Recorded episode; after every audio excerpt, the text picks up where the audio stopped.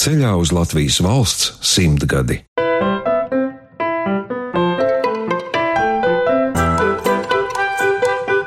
Talantu galerija Radošu personību portreti Latvijas Radio 1.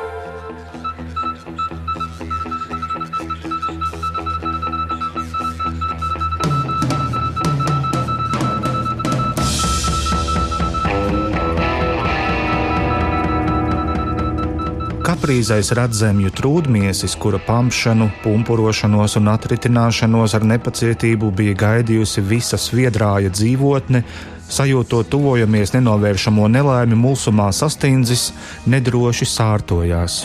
Zivusi nu darīja, kā tiem bija vēlēts veczivu senajās tabulās. Tā dienā, kad riebīgi radīsies mēnesis, vēl viens. Tev rāpties būs stumbrā visaugstākā, tad vaļā laisties būs tev no tā, ar domām, iekš galvas viskaistākām tev lidot būs melnajā caurumā. Tur jauna pasaule sagaidīs tevi tumšajā mirdzumā. Tam visam pāri, tukši atbalsojoties sarežģītajās rungaiņu struktūrās, kā vientuļa āža dziesma kalnu alā skanēja cīpslainā gaļspārņa bezjēdzīgie pāteri, aiztapinājumi un pamācības. Tā skan fragments no gleznotāja Miķeļa Fišera sacerētā cīpslēnā gaļspārņa pēdējās prediķa. Nec par pirmo, nec otro pieminēto tēlu sniegt jau kādus skaidrojumus vispirms šķiet grūti un pēc tam jau bezjēdzīgi. Tomēr, ja jāmēģina, tad Miķeļa Fišera zīmīgākie biogrāfijas punkti ir Latvijas paviljona izveide 57. Venecijas mākslas bienālē un 2015. gadā saņemtā Purvīša balva par izstādi Netaisnība. Dubultu mākslas stacijā šobrīd skatāms viņa jaunākais veikums, izstāde vainavas un noplicinājumi, kurā liela loma raidījuma sākumā dzirdētajam sprediķu fragmentam un tajā iekļautajām vēstīm. Kāds ir to saturs, par to gan jāpārliecinās katram pašam, un tomēr Miķels izrādīja vēlību kopīgi aizbraukt uz dubultiem un parunāt ar mani, Tomu Treibergu, gan par savu mākslu, gan tās izpausmēm laiku apstākļos. Es nākot tevi satikt, domāju, ka tu ieradīsies kaut kādā busiņā, kur būs piekāpe pilna ar zāģu skaidām un atgriezumiem, bet tu ierodies, nu labi, limuzīnas tas nav, bet nu, pavisam citādākā veidā. Nē, nu man ir tas, ko tu sagaidi. Ir arī tāds brandaļietis, Defender eh, krāvas mašīna. Bet šis ir taviem lietišķiem izbraukumiem. Nu, jā, ko. es, es nezinu, to man tiešām negribas par šo tēmu publiski runāt. Tas šķiet stulbi. Man ir divi velospēdi. Labāk par to. Labāk par zaļo. Jā. Nu, vai Vai tu esi atguvies no izstādes skrējiena? Vispār nē, jo momentā bija jāsāk taisīt operai maketes scenogrāfijai. Spēlēja, dancoja. Tas būs nākamā sezona. Rainis, Ziedonis, Kalniņš, Laura Groza. Man liekas, labs sastāvs. Video arī būs? Jā, iespējams. Nu, nezinu vēl droši tas ir liekas, ļoti daudziem cilvēkiem radošajās sfērās, kad vienam projektam seko nākamais. Un tad vienā brīdī ir tā sajūta, ka ir jāpaņem pauzīt. Es nezinu par citiem, nu man tā arī vienmēr nav, kad uh, tieši vienam seko otrs. Citreiz izdodas taisnīgi aizbraukt tajā radošajā ceļojumā uz kaut kādu Meksiku, tur piemēram. Bet šoreiz neizdevās. nu, cik droši tu jūties scenogrāfijā, kā noteiktā vizuālās mākslas žanrā? Jā, zini, man ir tāds aizdoms īstenībā, ka man šad un tad pieaicina eh, scenogrāfijai tieši tādēļ, ka man nav tā eh, klasiskā scenogrāfa izglītība. Un, eh, nu, tad es to arī kaut kā mēģinu izmantot un nu, brīvi interpretēju, cik iespējams sadarbībā ar režisoru to savu redzējumu. Protams, ir kaut kādas lietas, kas jāzina, no kā nevar izbēgt. Un, uh, tagad operā tādas lietas ir ļoti daudz, jo tur ir uh, ārkārtīgi sarežģīti viss tām uzbūvēm. Un no vienas puses varētu šķist, ka Rāņa materiāls, tā pazemes pasaule, ļoti raibi tēli, un tad, protams, centrālie varoņi. Nu, liekas, ka tā ir tāda patīkama tēma, ko interpretēt. Varbūt salīdzinot, ja tas būtu kaut kāds cits laika posms, kur būtu sarežģītāk rīkoties. Nu, visi, protams, Jā. arī tradicionālā, tradicionālais mantojums, senvēsture, tāda mitoloģija kaut kāda arī. Tas jau arī tev ir tuvi. Tā tēlu galerija varētu teikt, visi tie cūkcepures, nē, bet līkcepures un, un visi. Kas tik tur nav, jā. Patiesībā no Raņa lugām man šķiet, ka šī ir visinteresantākā. Tieši tādēļ, ka viņa ir tik sarežģīta, dīvaina, brīžiem nesaprotama līdz galam kaut kādas tēmas pat nav izvestas tur. Bet uh, ar to viņi ir brīnišķīgi, ka viņi ir tik um, bagātīgi. Jā, un tur bez tam vēl ir ārkārtīgi daudz, kas ir mūsdienās aktuāls. Šie jautājumi, kas tiek risināti. Miķels nesteidzas precizēt, kas ir šie aktuālie jautājumi, kuri Rāņa lugā spēlēja, dancoju, strādā arī mūsu laiku kontekstā. Ņemot vērā iestudējumu izstrādes procesu šo tēmu, tālākam izklāstam Miķels atstāja režisors Lauras Grozas ķiberes pārziņā, kad iestudējums jau būs pirmizrādīts Latvijas Nacionālajā operā un baletā. Ierodoties dubultu mākslas stacijā, Miķels palīdz biļešu kasierei un vienlaikus arī zāles administratorei pārbīdīt telpaugu, kurš nedaudz aizsedz vienu no izstādes gleznām. Pēc tam mēs sarunājamies par iespējams centrālo izstādes darbu ļaunā vēsts, jeb cīpslēnā gaļspārņa pēdējais sprediķis. Labdien! Nē, palma tieši forši. Bet viņi gan ir bišķi priekš. Jā. Jā. Viņi ļoti piestāv. Es tieši gleznojos, atcerējos, ka te tāda ir.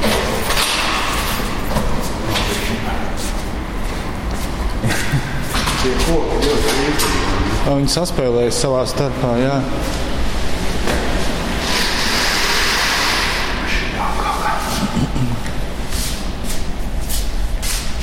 Jā, nevar iziet normāli. Tagad ir ļoti. Tu iepriekš minēji, viņiem bija speciāls nosaukums - ihti zivus. Tur nav kaut kāda neliela pašportreta ideja viņos. Es domāju, vizuāli. tad, tad gribu teikt, viņi man ļoti līdzīgi ir. Nu, es redzu kaut kādas līdzības. Jā, bet... Es tā ne, nebiju aizdomājies par to. Drīzāk es sevi varētu identificēt ar cīpslēno gaļspārnu šajā gleznā. Nu, labi, nē, nu kā jau es tev izstāstīju, bet pājām tālāk, jo citādi neiet kadrā iekšā. Tā tad trīns, jā, visvarenākā būtne uz planētas. Tas ir viss tas pelēkais. Jā? Viņš viss ir viens organisms. Un nu, tos trīs stūrus viņš var izbīdīt pēc vajadzības, kur vajag. Tie ir kā maņa orgāni trīns, viņš, ko viņš dara, viņš materializē lietas. Viņš ir materializators pasauļu. Nu, viņam vajag daudz enerģijas, vajag, viņš svīst. Tādēļ viņam tur apakšā ir sviedrājis tas tumšais šķidrums. Un, protams, viņam ir parazīti arī. Tādēļ vajadzīgi ir attārpošanas angāri. Tad uh, sviedrāja dzīvotni ir rungāņi, zivusi, arī Sviedrājā dzīvo. Un šis te kaprīzais redzējumi trūdmies arī dzīvo Sviedrājā. Nu, pa tiem, pa cīpslaino gaļspārnu un tiem platgalviem nav skaidrs zināms, vai viņiem tieši tas sviedrājs vajadzīgs, vai viņi tāpat var iztikt. Zivusi ir izredzēta tauta, jo viņiem ir tās vedzivu tabulas, kur ir rakstīts, kā glābties Armagedonā. Nu, kas tur tiek citēts? Tad viņiem vienīgajiem ir šansas kaut kādā šajā situācijā. Un viņi no vienas puses atgādina lemīgus, kuri lec no krājas, bet tajā pašā laikā viņi aizpelda tālumā un realizēt savu misiju. Tā, Nē, viņiem tur tas tekstā ir tā, tajās tabulās teikts, ka tajā dienā, kad tas otrs mēnesis radīsies, tad viņiem būs jārāpjas visaugstākajā stumbrā un ar vistīrākajām domām jālec, jālaižas vaļā. Un tad, ja viņiem pietiekami skaidrs ir tās domas, tad viņas ieraust. Nu, viņi ielidos tajā melnajā caurumā, kur viņus iespējams sagaida antipasauli. Kas tad ir tas glābiņš? Jo šitā ies bojā. Šo pasauli, kuru tu man paskaidroji, vai arī sniedzi kaut kādu ieskatu caur cīpslēna gaispārņa figūru un visi šie šīs pasaules iekšējie noteikumi, vai tu kaut ko no tā redzi arī sapnī, vai tas atnāk pie tevis caur sapņiem? Nē, atnāk nomodā, diemžēl. Sapņos es risinu vairāk šīs realitātes problēmas, un tad atkal realitātē kaut kādas citas realitātes problēmas. Bet tev nav kāds brīdis, kad tev izbiedē tas, ko tu uzzini par šo pasauli? Tad drīzāk varbūt, kad vai ir kāds brīdis, kad man tas neizbiedē. nu, labi, es te tagad izrunāju visādi.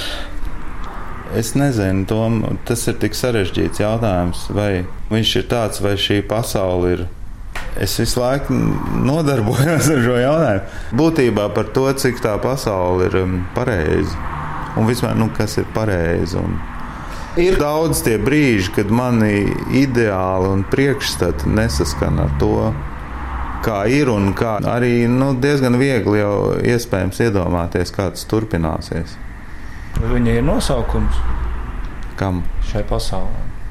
Es domāju, ka daudz nosaukumu, bet nu, kāda starpība atkal? Nē, nav starpības. Man tu pieminēji, ka tekstu, kuru tu pēc tam izmantoji slīdošajā rindā, titru mašīnā blakus gleznai, ka tu pierakstīji blociņā, vai tev tas neaizmirstas, vai tu veic kaut kādas piezīmes vai apkopo to, ko tu esi uzzinājis, lai tu pēc tam pie tā vari atgriezties. Tev būtu tā kā karte. Nu, jā, lai tu varētu orientēties, ja tur tik daudz to Nu, nē, nav man, nav man tāda schēma, bet man liekas, ka nu, tādas lietas jau var neaizmirstās. Nu, ko tu vienreiz uzzini, tad tu zini. Vai ir kāds materiāls, ar kuru tev vislabāk patīk strādāt, tīri praktiskā izteiksmē, kad tu radi? Jā, tas tā tad noteikti ir glezniecība vispirmām kārtām.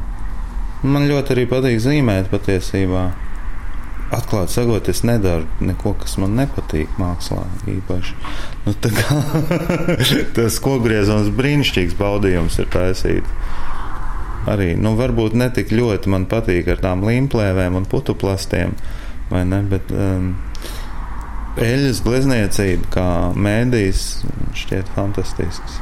Tad uh, laikmatīgās mākslas revolucionāri nav tomēr nogāzuši viņu no troņa.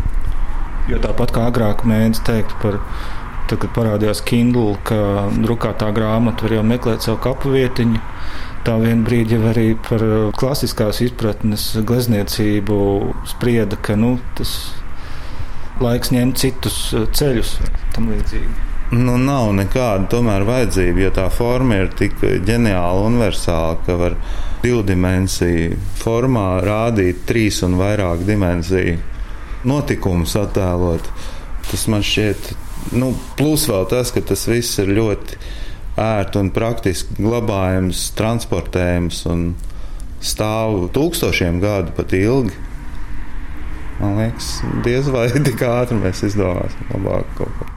Miķeļa Fišera radošās darbības tematiku raksturo viņa izstādes vainavas un noplicinājumi kuratore, mākslas zinātniece Inga Šteimane. Konceptuāli tā noteikti ir tā sistēma kritika, jeb vienkāršiem vārdiem sakot, akla nepakļaušanās sistēmām, nepiedalīšanās. Tas nozīmē, ka vispār dzīvei un tu augot pamazām uztver, ka dzīvē ir kaut kādas receptes un sistēmas, tad Miķels viņas noteikti pārskata. Sevišķi jau savos stāstos, ko stāsta viņa māksla, tajā nu noteikti nav ākla piesliešanās receptēm. Un šīs receptes ir reliģija, politiskās sistēmas, kaut kādas morālas, kā vispār pieņemtas normas. Savukārt no mākslas aspekta man šķiet ļoti interesants. Tas gājiens ir jau būtībā Miķelis uzticās mākslai, tādā tradicionālā nozīmē, bet atkal jau skatoties no situācijas, kā mākslas forma šobrīd ir attīstījusies, ja ko avangards ir vairāk nekā simts gados izdarījis ar mākslas formu, cik ļoti mākslas forma ir pietuvināta ikdienas priekšmetiem. Un skatoties šādā aspektā, Miķelis atkal ir tādā opozīcijā, manuprāt, šai situācijai, jo viņš lieto būtībā tradicionālu mākslas spēku. Tas ir, kad eh, mākslas darbs atšķirās no visiem sadzīves priekšmetiem.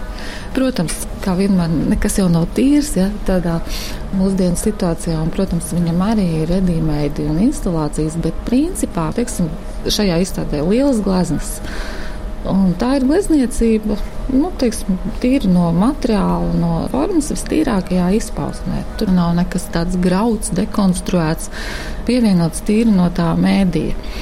Un, teiksim, otrajā stāvā ir zīmējumi, arī būtībā tīri klasiska, mākslas izpausme, nu, instalācija, nu, ko padaļai var uztvert kā skulptūru. Tas varbūt ir tāds vismodernākais mēdījis. Un tad ir vilinājums runāt par tā saucamo mākslas spēku, ko es arī esmu mēģinājusi Miķeļa sakarā izvērst. Un, protams, ka tas ir atkal tāds ļoti piepacelts un pūkains jēdziens.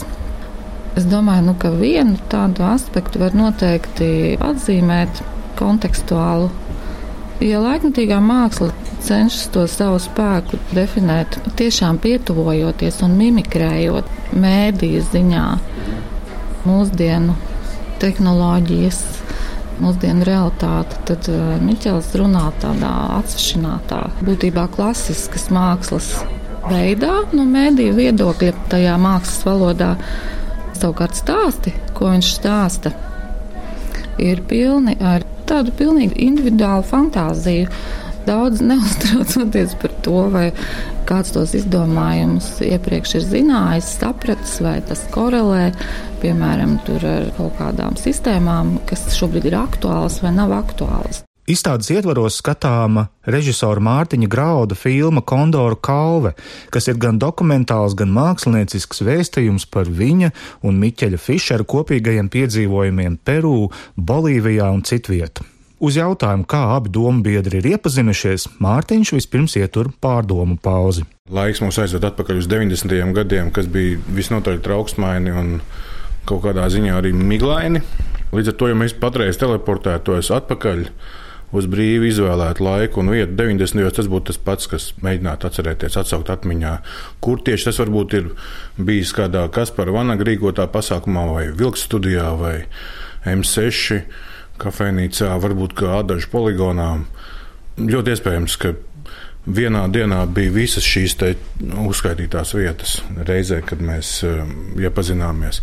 Jo tajā laikā tas bija tāds motulis, kurā savējie bija iekšā un intereses bija visdažādākās, raibākās, gan par mūziku, gan par notikumiem aktuālajiem apkārt, gan par to, kā izvairīties no notikumiem apkārtējiem apkārt. Tas, No kara dienas, piemēram? No kara, nē, tas bija no kara dienas, tas gan bija daudz vēlāk. Mēs bijām veiksmīgi to jau izpildījuši, un tas nedraudēja nekādā gadījumā. Bet um, kvalitatīvi atpūsties un runāt par būtisko, tas gan bija aktuāli. Man liekas, vai varētu būt tāds salikums gan Miķeļa, gan arī tavā gadījumā, pārdomātā brīvība, ka tu esi brīvs, bet tu esi arī izdomājis kaut kādu rāmi, kurā tu to savu brīvību realizē. Bet nu, tu redzi jūsu draudzības kontekstā šo motīvu. Nu, kurš tad nevēlas skatīties virzienā tevis minētajā par kaut kādu brīvību, bet visbiežāk tas tomēr ir iluzori un meklējumi, jā, kaut kādā veidā. Iespējams, ka tas vieno meklējumi pēc šīs sajūtas izkāpt laukā no, no ikdienas rutīnas no kaut kādām virpuļa karuseļa. Ceļojums ir viens no tiem veidiem, kā to sasniegt. Tas iespējams ir. Ir tas vienojošais, jo ceļot mēs sākām aptuveni vienā laikā, gan uz dažādiem virzieniem, Miķelim tuvāk bija Meksika. Es skatījos citā virzienā uz Dienvidāziju. Un tad kaut kādā brīdī mums nosvičojās ja, tās vietas. Es aizbraucu uz Meksiku, un Miķels aizbrauca uz Laosu. Tad mums ilgu laiku bija kopējs sapnis par Bolīviju un par Peru. 17 gadus es kaut kad paskaitīju atpakaļ, kad mēs bijām sākuši domāt par to, ka jābrauc uz turieni. Un tas ceļojums arī izdevās trīs gadus atpakaļ. Un tagad arī filma. Un tā izskaitā filma, jā, filma dēļ šī brauciena, ja brauciens dēļ filmas, tur jau viss ir savijies kopā. Bet uh, neiztraucēja tā sajūta, ka jums vēl ir jāfilmē, varbūt, ka vajadzēja izbaudīt to, vai tas nebija kā sloks? Nu, zini, kā, ja jūs tik daudz jā. ilgu laiku par to domājāt, un tagad vēl, nu jā, filma, un tad, tad kaut kā taču to kameru jūt un tam līdzīgi, vai kā tas bija? Nu, bija diezgan konkrēti zināmas bažas par to, kā tas viss notiks. Un gan man bija bažas, gan Miķelim bija bažas. Līdz ar to mēs pirms brauciena mēģinājām ieskicēt to, kā tas varētu izskatīties un ko darīt un ko nedrīkst darīt. Un braucien, ja drīkst, braucien, ja drīkst jautāt, ko nedrīkst darīt? Nedrīkst negodīgi vienam pret otru.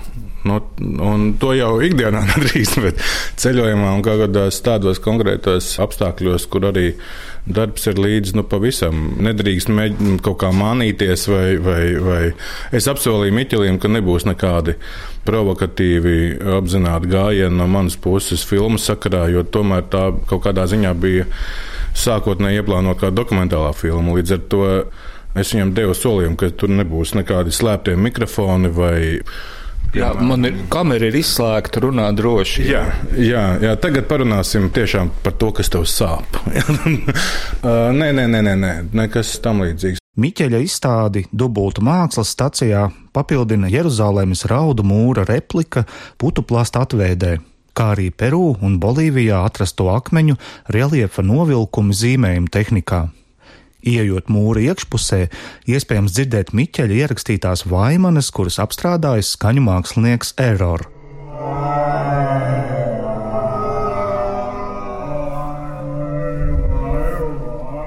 Tā kā mums ir mazā Parīze, Rīga un ir arī mazā Šveice, vai vairākas pat, man liekas, mazās Šveices ir Latvijā. Man liekas, mazā Venecija ir kūdīga. Venecija ir pareizi. Man liekas, mums baigi pietrūkst, nu tā lieta taču mums tiešām patīk. Mazais raudu mūrs. Jo mums ir tā kā tur pie novembra krastmalā, bet nedrīkst likt svecītas un atkal nu, nevar īsti paraudāt. Un ebreji pie raudu mūra raud par Salmānu tempļa sagraušanu. Un varbūt, ka latvieši tās gaudas un vaimanas īstenībā viņas arī ir par to nogrimušo burtnieku pili. Es domāju, ka tikai ar ironiju var skatīties uz šīm visām lietām, un tā skaitā uz mūsu vaimanāšanu. Šis putuplāsta mūra fragments ir veidots nosacīti kopējot raudu mūru mērogā viens pret divu. Tāda, tāda arī viņš izstāsta. Un tā ideja, kādēļ šeit atrodas šis raudu mūris kopā ar Peru akmeņu novilkumiem, ir sekojoša. Kad tur tieši tāpatās šajos abos objektos var novērot vienu lietu, kad pirms mūsu ēras šiem būvētājiem bija pieejamas kaut kādas tehnoloģijas, kas nav.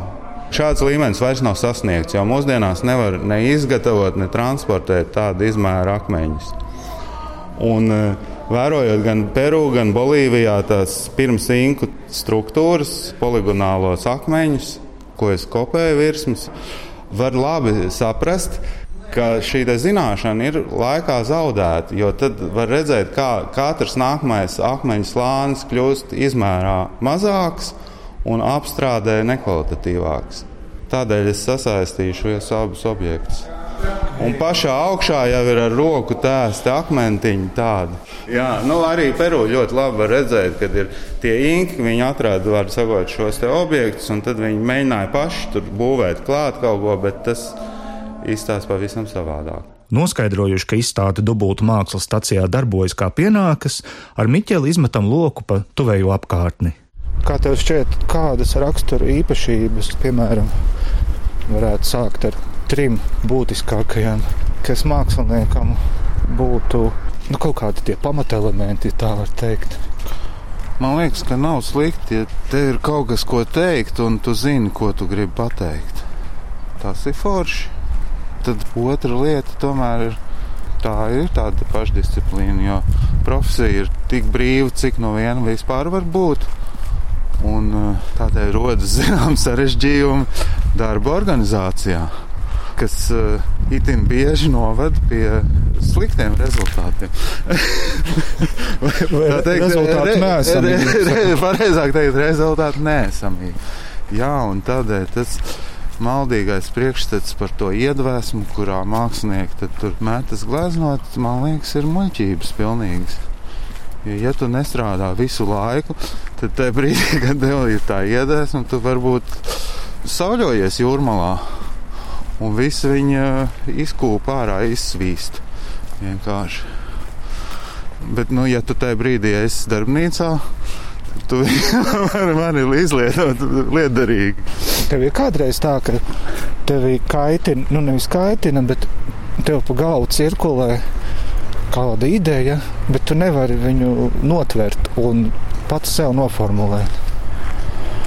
Ir kaut kādas tādas jā, lietiņas. Un,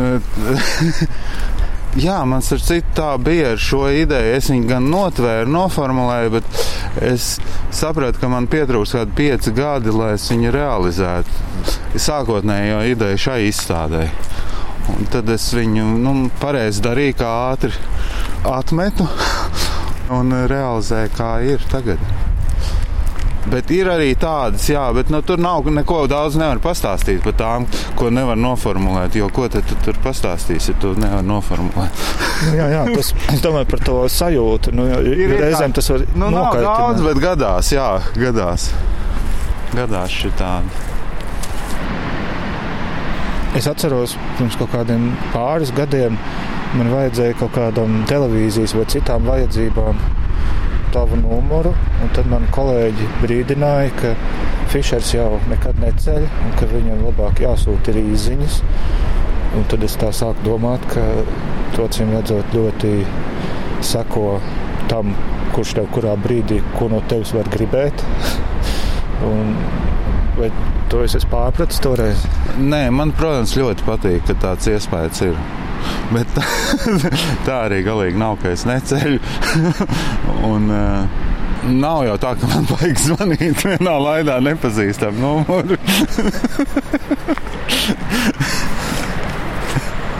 tad, tad var sakot par savrupnieku, kas jau nevarētu nosaukt. Es galīgi ne, neuzdrošinātos sevi kaut kā vispār mēģināt nosaukt to, lai dara citi. Nezinu, Nē, varbūt, drīzāk jā. Nezinu, tiešām to. Katrā ziņā es tā kā īsti pie cilvēces sev nepieskaitu, tomēr, vai sabiedrības. To nu gan es varētu teikt. Vai šī atziņa ar tevi ir ilgi kopā? Ir... Nu, nē, tā ir rūkta ļoti atziņa, ko es esmu guvis pēdējos piecos gados. Kaut.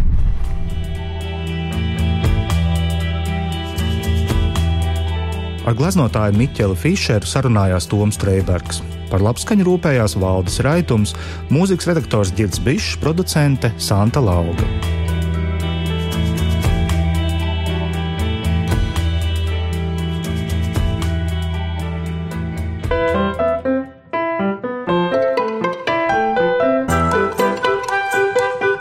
Talantu galerija Radošu personību portreti Latvijas Radio 1 izskanēja Latvijas valsts simtgades programmas raidījums.